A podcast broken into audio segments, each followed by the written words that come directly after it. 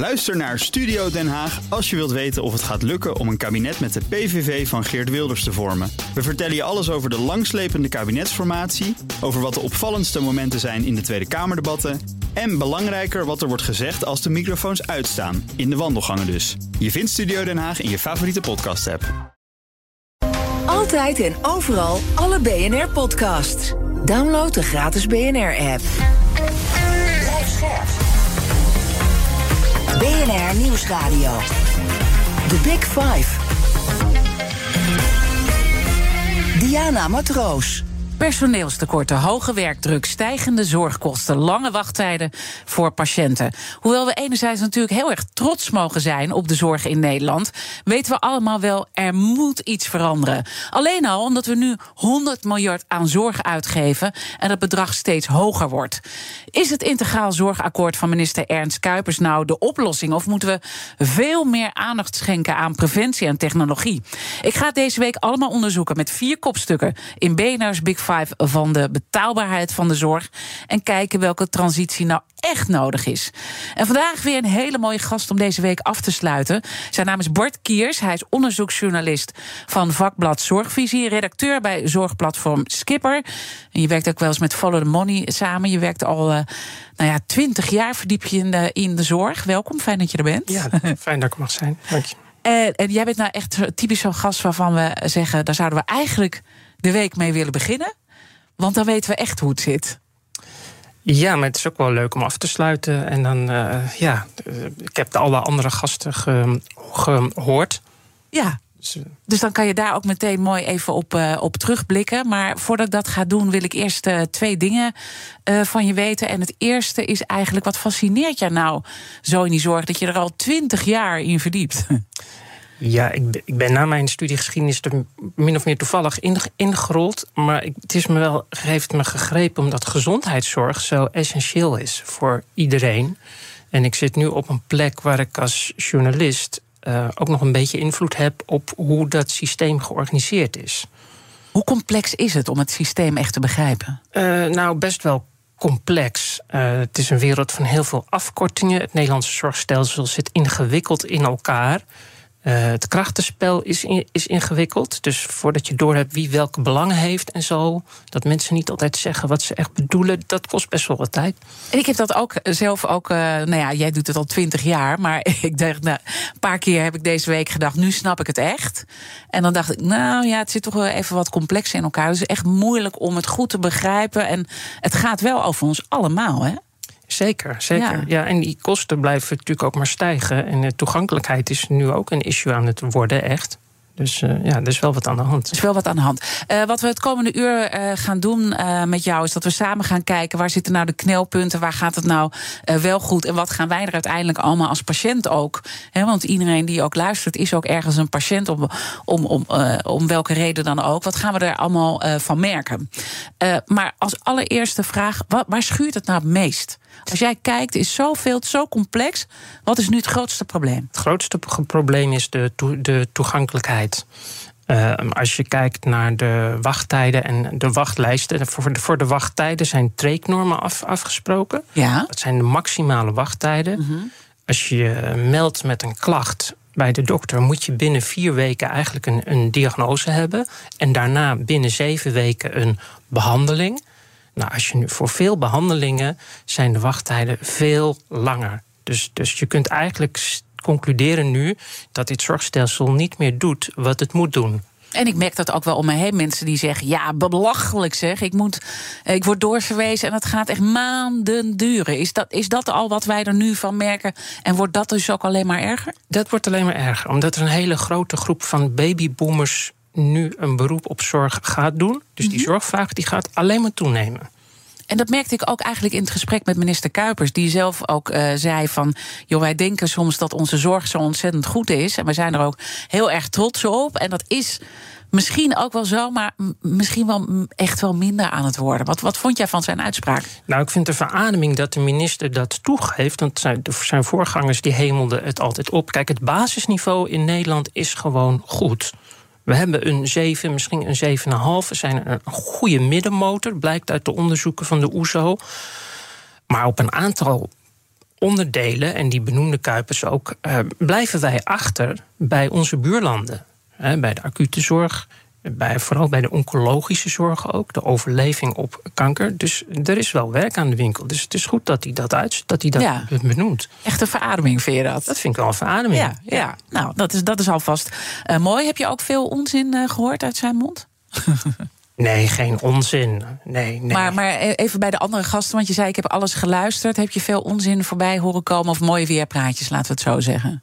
Nou, iedereen zit natuurlijk wel met zijn eigen agenda. Ja. Dat hoor je natuurlijk wel. Ja, geef eens een voorbeeld. Kan je iets zeggen wat je hebt nou, gehoord? Uh, Melkert uh, wil meer geld hebben. Ja. En dat, dat is het duidelijkste eigenlijk. En, en Kuipers wil dat niet geven. Uh, de zorgverzekeraars ook niet. Die zeggen van ja, we hebben een integraal zorgakkoord. Daar staat je handtekening onder. Dit is het geld wat er is. Ja. En dat integraal zorgakkoord, dat is natuurlijk eigenlijk uh, nou ja, het, het grote verhaal uh, van Kuipers. We komen straks wel bij de valkuilen uit, maar toch nog even uh, jouw toelichting daarbij van wat gaan wij er nou uiteindelijk van merken? Nou, in de eerste plaats is het heel bijzonder dat zoveel partijen meedoen. Wel veertien. Want vroeger was het voor elke sector, dus voor de huisartsen, die hadden een apart, een apart akkoord. De wijkverpleging ook, ziekenhuizen ook. En, en nu is het voor het eerst integraal dat maakt het ook wel weer moeilijk. Wat gaan wij ervan merken? Nou, de inzet is heel erg op passende zorg.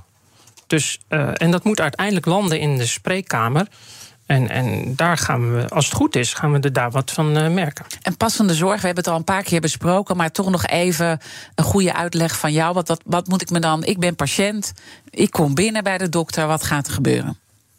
Ja, dat, dat, dat is dus heel lastig eigenlijk. Want de beleidsmakers die leggen het wel uit. Hè. Het moet zorg zijn die waarde toevoegt.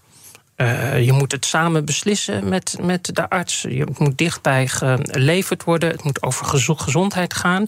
Maar hoe dat nou echt in de spreekkamer landt, dat is nog helemaal niet duidelijk eigenlijk. Dat is voor artsen ook helemaal niet duidelijk. Maar wat je dus eigenlijk wil, is dat dat er geen onzinzorg ge geleverd wordt. En dat gebeurt er nu wel. Ja. Onnodige zorg. Hoeveel onnodige zorg hebben we in Nederland? Dat is moeilijk te benoemen, maar er zijn allerlei onderzoeken. Nou, kijk, een heel goed voorbeeld is het ziekenhuis Bernhoven. Wat uh, jarenlang heeft ingezet op zinnige zorg. En daardoor uiteindelijk zo'n 15%, na een aantal jaren 15% minder behandelingen doet. Die mhm. dus eigenlijk geen waarde toevoegen. Dus aan dat soort orde van grootte zou het kunnen zijn. In de ziekenhuiszorg wel. Ja, maar dan kom je bij dat Bernhoven precies ook weer bij een heikel punt uit. Want zo goed gaat het niet business-wise. Um, nou, hoe het nu gaat, weet ik niet. Maar in ieder geval, wat ze daar hebben nagelaten was snijden in de kosten. Want als je minder doet, heb je ook minder mensen nodig. En moet je gewoon ook dus. En dat is natuurlijk heel erg lastig. Dat je afscheid moet nemen van ziekenhuis, van, van personeel. Dat is als bestuurder moeilijk. Dat is daar niet helemaal goed gegaan. Het was ook coronacrisis, is allemaal heel gecompliceerd. Ik geloof dat het nu wel weer vrij aardig gaat. Maar misschien is het wel mooi om hier ook de kettingvraag uh, bij te halen. Want uh, de, ja, het is allemaal heel erg. Het gaat over samen. Hè. allemaal uh, mooie verhalen en we moeten een bepaalde richting op. En die richting is wel heel erg duidelijk. Maar ook de minister uh, met wie ik uh, de uitzending hier voorsprak, die was wel benieuwd hoe jij met al jouw kennis ernaar kijkt en of er nog dingen zijn die hij vergeet. Luister maar. Uh, Bart weet, uh, die loopt al heel lang mee en kent de zorg in de volle breedte heel erg goed. En wat ik van hem zou willen vragen is waar hij de verdere mogelijkheden ziet die we nu nog ongebruikt laten ten aanzien van enerzijds dat veel meer selectief kijken van wat is echt zorg en wat kan ergens anders. En anderzijds, als het zorg is, hoe kun je die samenwerkingen nog veel, beter, nog veel ja, meer versterken? twee vragen eigenlijk in de eerste plaats. Dus, uh, nou, de, kijk, er komen op de, in de zorg nu een heleboel.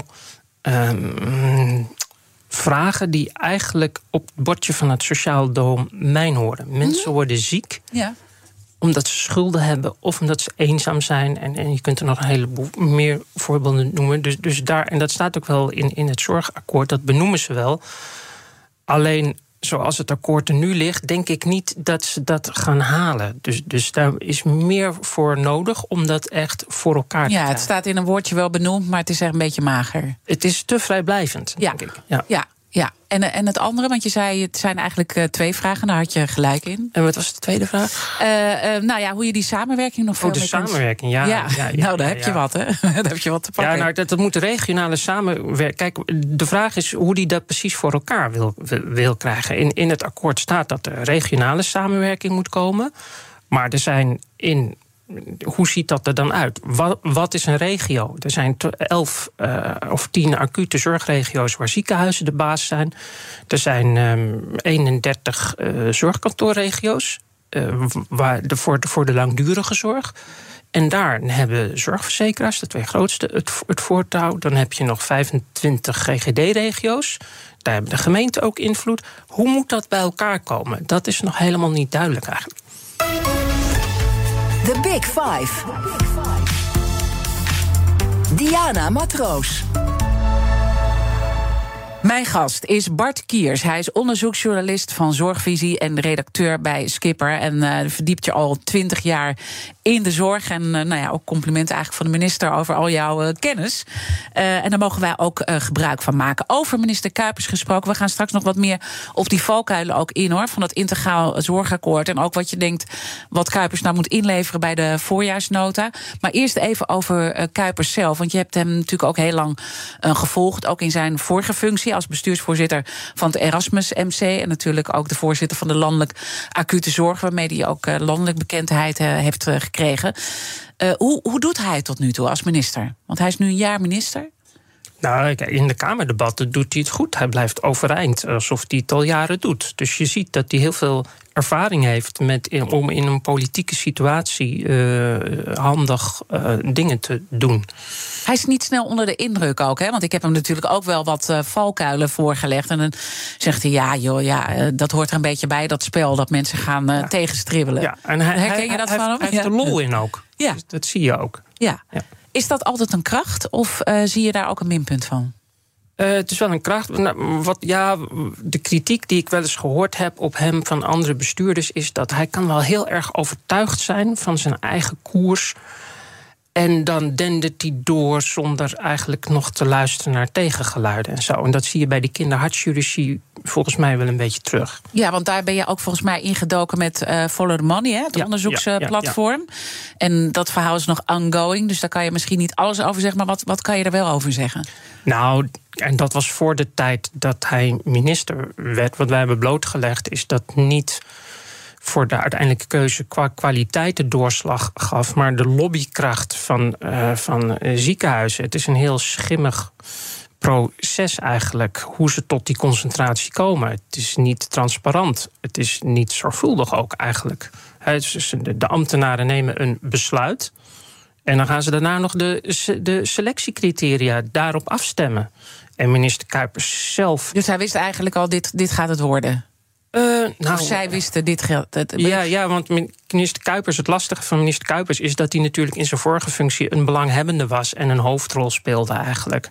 Omdat dus uiteindelijk die kinderhartchirurgie ook bij zijn voormalige ziekenhuis terechtkomt. Hè? Ja, hij heeft en voor de spreiding heeft hij voor Groningen uh, gekozen en uh, nou ja, verder Rotterdam, omdat die het gewoon heel goed doen. Ja, en waarom, waarom die spreiding ineens zo belangrijk is, daar kun je wel wat op, op afdingen.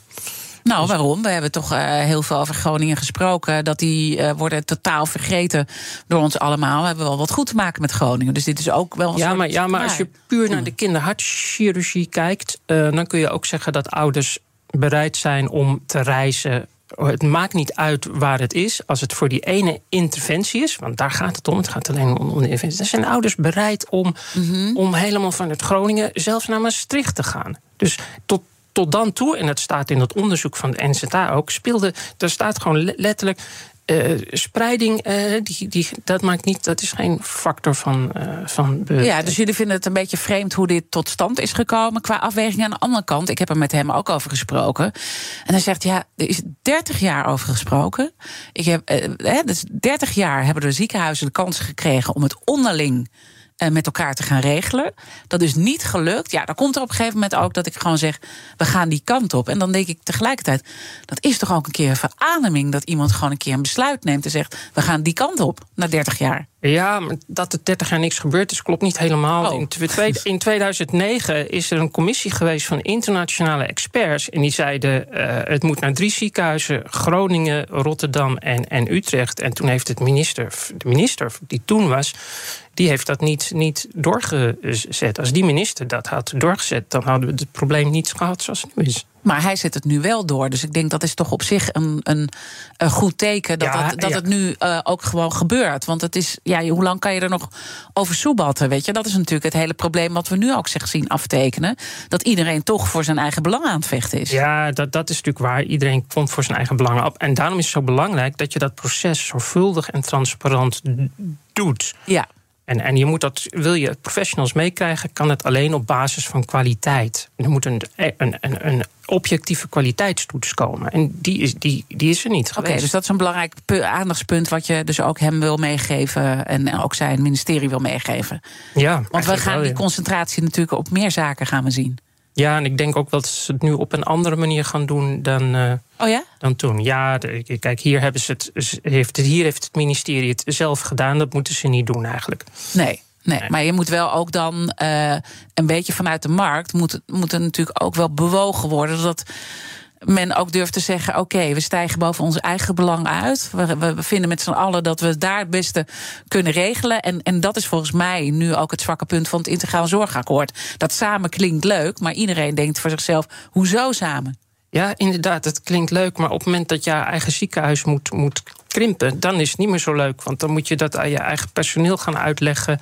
Je daar raad van toezicht zeggen van ja, jongens, eh, we gaan krimpen. Ja, dat, dat is best wel lastig voor bestuurders. Dus daar zitten we. En dan roept Kuipers op van ja, ze moeten over hun eigen belang heen springen. Ja. Eh, eh, maar dat zou die misschien ook zelf moeten doen door die gezondheidsdoelen in de wet op, op, te nemen. Oké. Daar is ook moed voor nodig. Oké, en dat, dan komen we bij een belangrijk punt uit. eh, want, want wat is nu de, de, de grootste. Is dit de grootste zwakke schakel die jij nu benoemt? Ja, je ziet dat er zijn allerlei. Er zijn er is weer een akkoord gemaakt over pre- pre- preventie, maar dat is te, vrij, te vrijblijvend. Dus, dus, eh, en er is, dus wil je dat echt voor elkaar krijgen, dan moet je die doelen wettelijk verankeren. Dan krijg je de dynamiek die hij zelf eigenlijk wil. En, en dan moet je even uitleggen, want heel veel mensen. we hebben het eer, ik heb het eerder ook wel benoemd hoor, deze week. Maar toch even van wat, wat bedoel je dan precies? Hoe hebben we het nu met elkaar afgesproken in Nederland? Waarvan jij zegt dat moet echt anders. Nou, kijk, we hebben het zorgstelsel ingericht als een, ziekte, als een ziektestelsel. Dus we komen pas in actie op het moment dat mensen ziek, ziek worden. En we zouden vol moeten inzetten op mensen ge- gezond houden. Dan neemt die zorgvraag af. Ja. Maar dat, dat is dus de zorgplicht die we met elkaar hebben afgesproken hè? Ja, in, dat- in Nederland. Want Ja. misschien Ja. dat de mensen nu zitten te zoeken, wat bedoel je precies? Eh, de zorgplicht die, die zorgt er dus voor dat eh, alles vanuit ziek worden geregeld wordt. En jij zegt je moet naar gezondheidsplicht. Ja, het is eigenlijk een zorginkoopplicht voor zorgverzekeraars. Als je ziek wordt, zijn zij verplicht om die zorg in te komen. In, in te kopen. En uit die wachtlijsten die er nu zijn, blijkt dat ze dat niet meer lukt. Maar, maar gaan dan wel, als, als je dat dus anders zou eh, organiseren, gaan mensen dan wel beter samenwerken, denk je? Want uiteindelijk blijven dan nog steeds die zakelijke belangen, toch? Ja, maar dan, je zult dus ook in de bekostiging, eh, die zul je ook moeten aanpassen. Leg uit.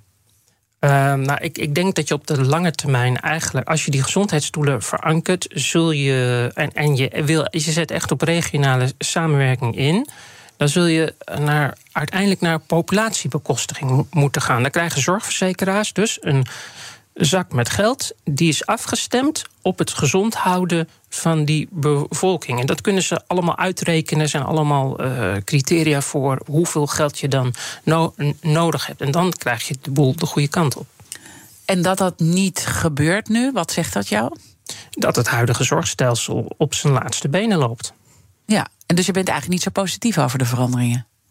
Uh, het is de goede kant op. Hè. Ze benoemen de thema's, maar ze zetten niet door. Door die gezondheidsdoelen te verankeren. Want wij, kijk, we hebben een minister van Volksgezondheid.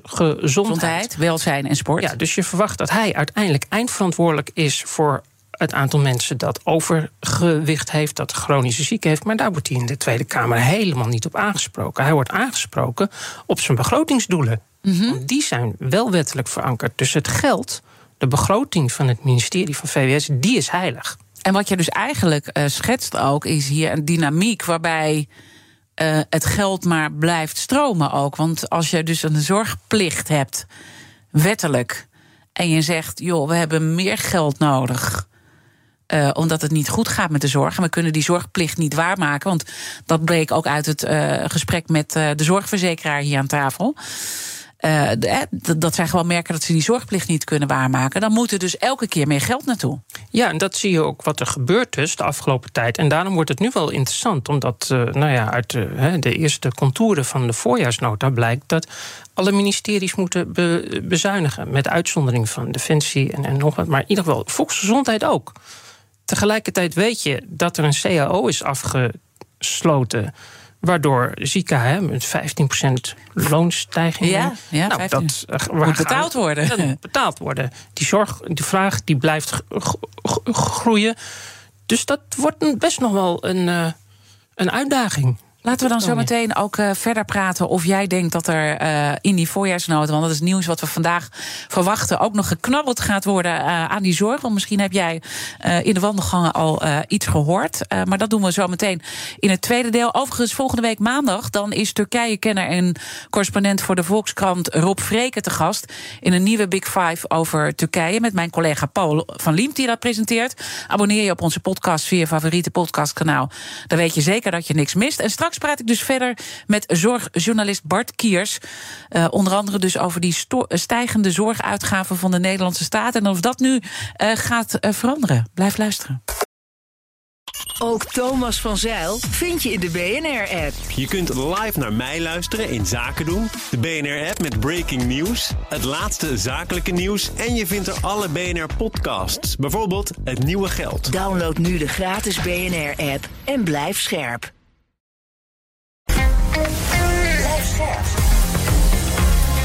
BNR Nieuwsradio. The Big Five. Diana Matroos. Welkom bij het tweede halfuur van de Big Five. Fijn dat je weer luistert. En deze week praat ik met vier kopstukken uit de wereld van de zorg. Vier, niet vijf vanwege Koningsdag. Ik hoop trouwens dat iedereen lekker genoten heeft uh, van Koningsdag. En misschien lig je nu lekker bij te trekken van een hele uh, zware stapavond. En vind je het toch leuk om naar ons te luisteren, hoop ik. Eerder deze week sprak ik met Zilveren Kruis directievoorzitter Josette Feyneman over dit onderwerp. En zij schetste ook hoe die rol van die zorgverzekeraar aan het veranderen is. Het allemaal terug te luisteren via onze BNR-app. Vandaag bij mij te gast Bart Kiers. Hij is onderzoeksjournalist van vakblad Zorgvisie. En redacteur bij zorgplatform Skipper. Komend half uur wil ik in ieder geval nog twee onderwerpen met je bespreken. Wat jij nou verwacht van die uh, voorjaarsnota. Want uh, dat uh, ja, gaat ergens vandaag. Komt dat nieuws naar buiten. En iedereen zit natuurlijk ook te kijken. Kan er niet wat van het potje van die 100 miljard van de zorg af? Maar dat doen we straks. wat ik wil ook met je praten, toch nog over dat integraal zorgakkoord. Hoe dat nou precies werkt. En hoe succesvol dit nou uiteindelijk gaat uh, zijn. Want ik hoor eigenlijk twee sporen bij jou. Ik hoor dat je, laten we hiermee beginnen. Uh, ik hoor jou zeggen in het eerste half uur. Nou, ik ben echt wel positief over de richting waar de minister op gaat. En de minister heeft zoveel ervaring. Die kan echt zaken in beweging krijgen. Maar het is een beetje halfslachtig. Waar, denk je nou dat dit op uit gaat komen? Um, ja, als je kijkt naar vorige akkoorden, vorige hoofdlijnenakkoorden, de kritiek van, van, uh, van de, de RVS, hè, de, de Raad voor de Volksgezondheid en uh, Samenleving, was. Onder voorzitterschap van Jet Busmaker ja, intussen, ja. Ja, is, is dat, um, dat ze de financiële doelen vaak wel halen, maar de inhoudelijke niet. En dat komt ook omdat de alle ja, veldpartijen, dus uh, van, van de, de brancheorganisaties, van, van, van de ziekenhuizen en van, van alle andere sectoren, die zien die, um, die akkoorden ook inhoudelijk om hun eigen belangen veilig te stellen. En dan formuleren ze dat in zo'n akkoord zo vaag dat je er alle kanten mee uit kunt eigenlijk. Dat is een patroon wat je de, wat je de afgelopen tien jaar bij die hoofdlijnenakkoorden hebt gezien. Daar had je de juiste zorg op de juiste plek. Uh, substitutie van ziekenhuiszorg naar, uh, naar, uh, de, naar de thuiszorg en, en naar de huisartsenzorg. En elke keer was de conclusie. Ehm, we hebben het niet ge, ge, ge, gehaald, bij lange na niet. Ja, ja dus eigenlijk elke keer kwam het daar dus. Uh, ja, en ik ben toch wel bang dat dat ook nu dat gevaar er weer is. Omdat de financiële nood uh, bij ziekenhuizen en bij de andere zorgaanbieders gewoon groot is. Omdat ze die hele dure CAO hebben ja. en, en die inflatie. Dus ja, die... maar, maar dan toch, hè, want dit, dit is natuurlijk ook wat je bij Ad Melkert uh, merkte, die ik begin van de week sprak. En die zegt ook: Nou, we hebben meer geld nodig, want we willen best die transitie maken hoor. Want we willen echt wel inzetten op technologie. Maar ja, daar hebben we geld uh, uh, voor nodig. Nou, dan wordt er weer aan de andere kant gezegd: joh, er is gewoon een potje voor, voor die transformatie. Want dat zegt dan Zorgverzekeraars uh, Nederland. Ik had hier de vicevoorzitter te gast. Dus dat is elke keer het spel met het geld. Terwijl we ook wel weten dat die zorgbestuurders, die, die hele ziekenhuiswereld, die is ingericht op een businessmodel. Ja. Dat, dat, het is gewoon, en dat hoeft ook misschien niet erg te zijn, maar de manier waarop het nu uh, gebeurt, werkt niet. En dat is eigenlijk ook wat jij beschrijft hier. Ja, de, de prikkels voor, staan uh, toch uh, wel een beetje de verkeerde kant op. Je hebt bijvoorbeeld in, in ziekenhuizen heb je de. in algemene ziekenhuizen heb je. Um, medisch specialistische bedrijven van vrij gevestigde spe specialisten. Dat is ja. eigenlijk een bedrijf ja. binnen het ziekenhuis die eigen fi financiële doelen heeft. En als de ziekenhuisbestuurder en die vrij gevestigde specialisten niet op één lijn zitten, dan kan de bestuurder eigenlijk niks. En toch heb ik het idee, maar misschien is, ben ik heel naïef nu, uh, dat ook wel in de houding wel iets veranderd is. Ik weet niet, maar jij loopt twintig jaar rond in, dit, in, in, in die zorgwereld. Dus jij kan het beter uh, beschouwen. Maar dat er toch iets is veranderd van. Ga je nou meedoen of niet met die transitie? En dat je ook een beetje um, eruit ligt en niet meer meedoet op het moment dat je dat niet uh, doet. Of ben ik nu naïef? Nee, dat is wel zo. Mm -hmm. Dat is wel waar. Dus, dus uh, de richting, die in, de, de, inhoudelijke richting die in dat integraal zorgakkoord is afgesproken, die steunt iedereen wel. Maar iedereen heeft, dus die ziekenhuisbestuurders hebben, en andere bestuurders ook, die hebben natuurlijk wel te maken met de realiteit van hun eigen or, or, organisatie. Ja. Die zitten nu te kijken van, joh, ik krijg het niet rond, ja. financieel ja. gezien. Want we ja. moeten, de lonen moeten omhoog. En dan zegt, uh, nou ja, ook de voorzitter uh, van, de, van de ziekenhuizen... die zegt, we willen meer geld. En dan zie ik de andere spelers zeggen... ja, Melkert wil altijd meer geld. Ja. En dat gaat hij niet krijgen. Nee. Dus dan is er toch wel wat veranderd. Nou ja, dat zal, dat zal de komende maanden moet, Nu begin je te lachen, want wat, wat, wat denk je dat er gaat gebeuren dan nu? Uh, ik denk dat ziekenhuizen uiteindelijk toch hun geld gaan krijgen. Oh ja? Ja. Ja, zo gaat het tot nu toe elke keer. En, en ja, ik denk dat dat nu uh, toch ook weer. Uh, ja. ja. Ja, want, want we kunnen natuurlijk niet hebben dat de ziekenhuizen gaan, gaan omvallen. Dat wil je als minister ook niet meemaken. Nee. Dus, dus oké, okay, dus dat zie je uh, gebeuren. Tegelijkertijd zien we natuurlijk ook rechtszaken. Hè, want we hebben gezien, uh, samenwerking betekent ook dat je concentratie van zorg krijgt. En dat je eigenlijk zegt, we willen op bepaalde plekken die kwaliteit leveren. En dan wijzen we twee plekken aan waar we dat goed uh, kunnen doen. Nou, daar zijn de ziekenhuizen het niet mee eens. Of in ieder geval twee UMC's. Leiden en welke nog meer? Utrecht. Utrecht. Die hebben nu een rechtszaak aangespannen. Begrijp je dat? Of, of, of, of, of, zit er ook iets bij jou dat je dan denkt van. Zo lang hebben we hierover gesproken, 30 jaar, en dan ga je nu nog een rechtszaak aanspannen. Nee, ik begrijp dat wel. Want het oh. proces de, waarop hoe VWS tot het besluit gekomen is, zo onzorgvuldig en, en niet transparant. Dat ik me wel kan voorstellen dat. En het lijkt erop dat er echt politieke spelletjes gespeeld worden. Dus dit is wel een schoolvoorbeeld van hoe je concentratie niet moet aanpakken. Ja, en dan zeg je politieke spelletjes. Met, met welk doel dan? Wat zit erachter?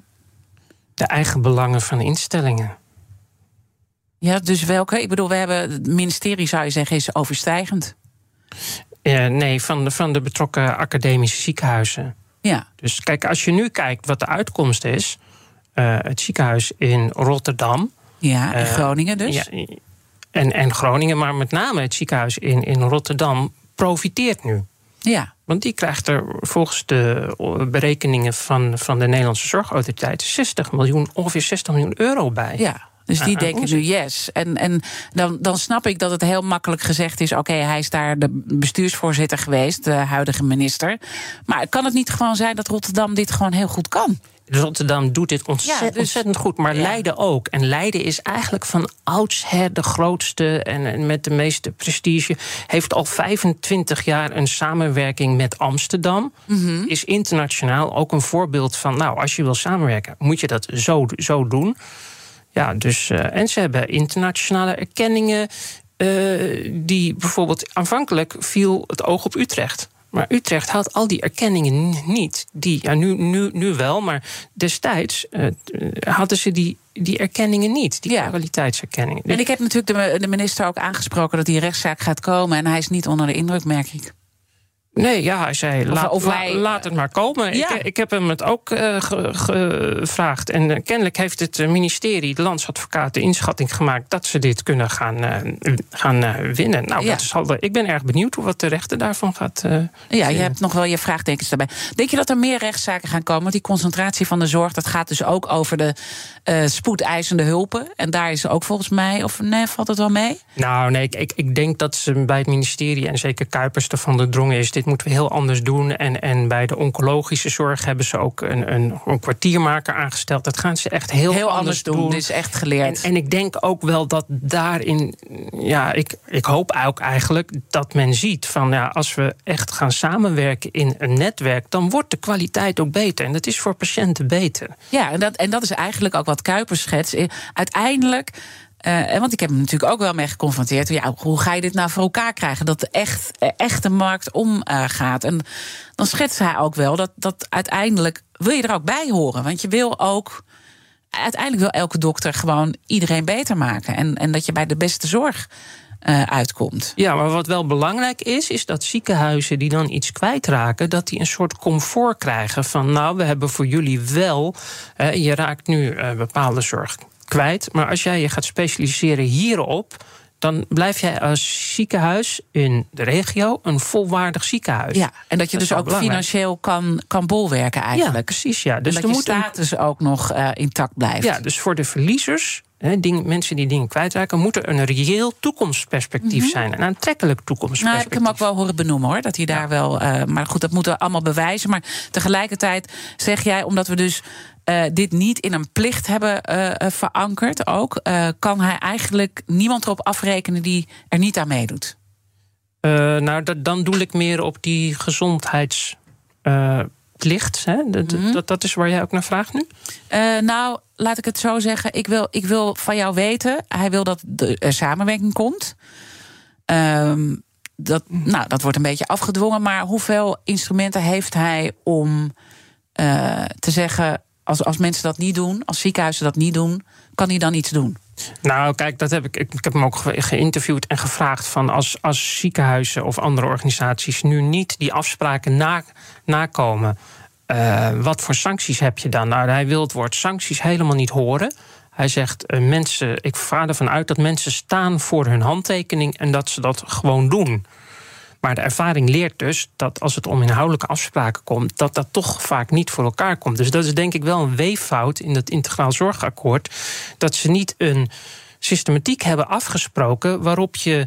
eh, waarop je af, af- afspraken maakt van als mensen zich er niet aan houden, dan volgt die en die sanctie. En als ze het dan wel doen, dan kun je ook weer eh, de spanning eruit halen, de-escaleren. Ja, dat maar is, aan de andere kant zien we natuurlijk wel bij Kuipers dat hij heel veel als zorgbestuurder in het verleden heel veel convenanten heeft gesloten. Dus hij weet wel hoe, hoe je dit moet doen, denk ik dan. Eh, ja, zeker. Eh, als Erasmus ziek, als bestuurder van het Erasmus MC had hij 250 co- convenanten met partijen in, in, in, de omgeving. Ja, dat is natuurlijk ongelooflijk veel, maar het, het schetst ook wel dat samenwerken dus best wel ingewikkeld is. Je hebt Ja. 205, het Erasmus MC heeft 250 convenanten no- nodig om samen te werken in, in die regio. Ja, dus, dus jij verwacht dat er heel veel convenanten gesloten gaan worden. Ja, dus dat mensen heel veel gaan praten. Dat gebeurt er nu ook. Ja. En Georgette Feyneman die, die, die eh, heeft eh, gezegd in een interview met, met ons ook... van ja, jongens, we moeten oppassen dat we niet eindeloos blijven praten. We moeten Ja, ook ze hier ook, eh, in de Big in actie komen. En daar heeft ze wel een... dat is echt een reëel gevaar. Ook Harm Edens vind je in de BNR-app. Je kunt BNR Duurzaam niet alleen live luisteren in de app, maar ook terugluisteren als podcast, zoals al onze podcasts. En naast dat de BNR-app Breaking News meldt, houden we je ook op de hoogte van het laatste zakelijke nieuws. Download nu de gratis BNR-app en blijf scherp. BNR Nieuwsradio. The Big Five. Diana Matroos. Je luistert naar BNR's Big Five van de betaalbaarheid van de zorg. Eerder deze week sprak ik daarover met Ad Melkert, de voorzitter van de Nederlandse Vereniging van Ziekenhuizen. Uh, met uh, Josette Fijneman. Zij is de directievoorzitter van Zilveren Kruis, maar ook de vicevoorzitter van Zorgverzekeraar Nederland. En uh, natuurlijk met minister Kuipers, die al een paar keer viel tijdens deze uitzending. Ga naar onze website bnr.nl of de bekende podcastkanalen, kan je het allemaal terugluisteren. En ik sluit de week af met mijn gast Bart Kiers, onderzoeksjournalist journalist van Zorgvisie.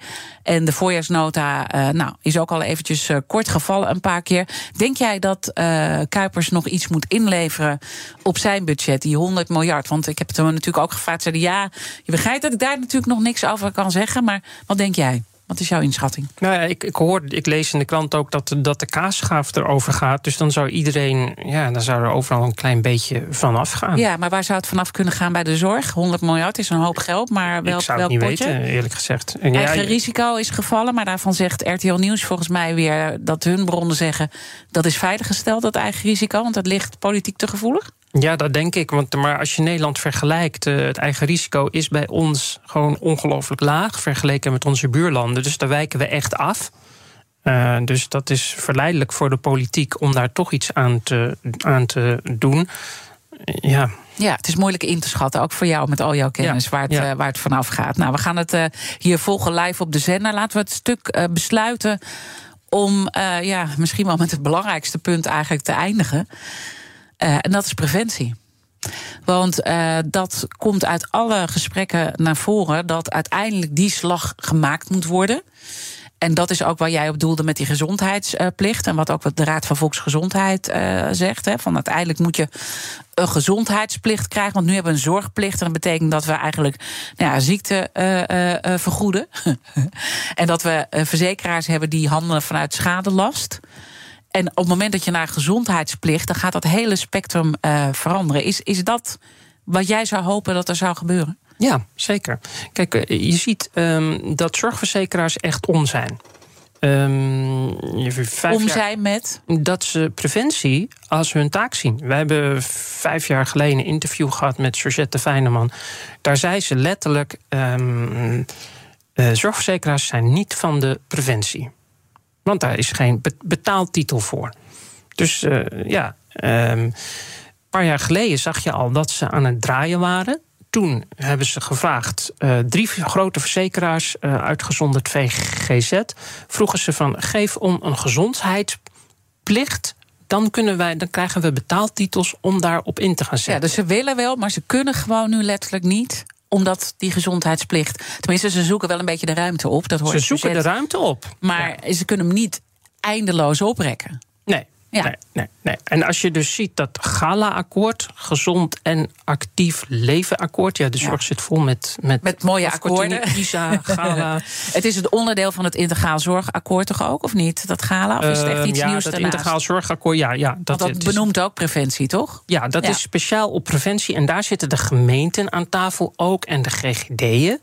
En uh, nou, daar staan ook prachtige afspraken in, uh, maar ook geen mechanisme om dat af te dwingen.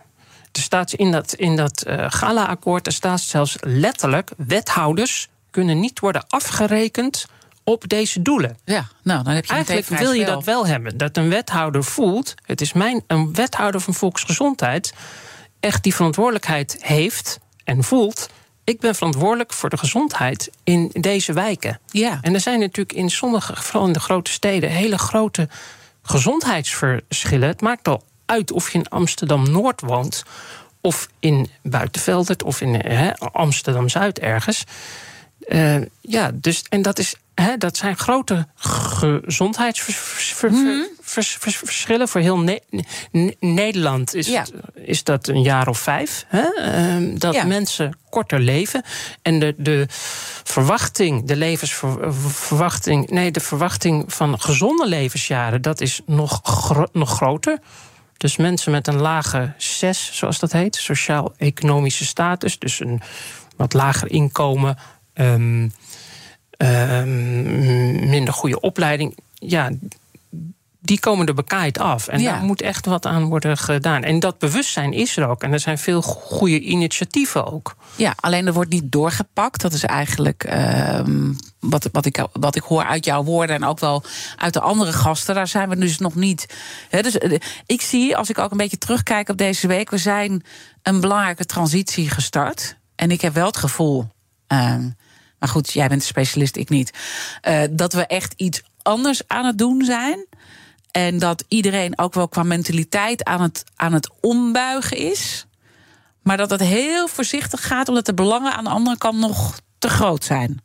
Ja, in, transitie kan je ook natuurlijk niet in één keer. Je kan ook niet in één keer alles omgooien. Stel dat we nu in één keer naar die gezondheidsplicht gaan. Of denk jij dat dat realistisch is? Als je in één keer nu naar zo'n gezondheidsplicht toe gaat. Eh, hoe sneller dat gaat, hoe, hoe beter het is. Omdat je dan pas de dynamiek krijgt die je dus wilt. ja.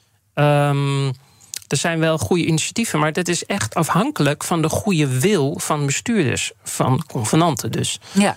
Eh, er zijn de ontbreken eh, en, en, en er zijn te veel regio's in Nederland waar de belangen uiteenlopen.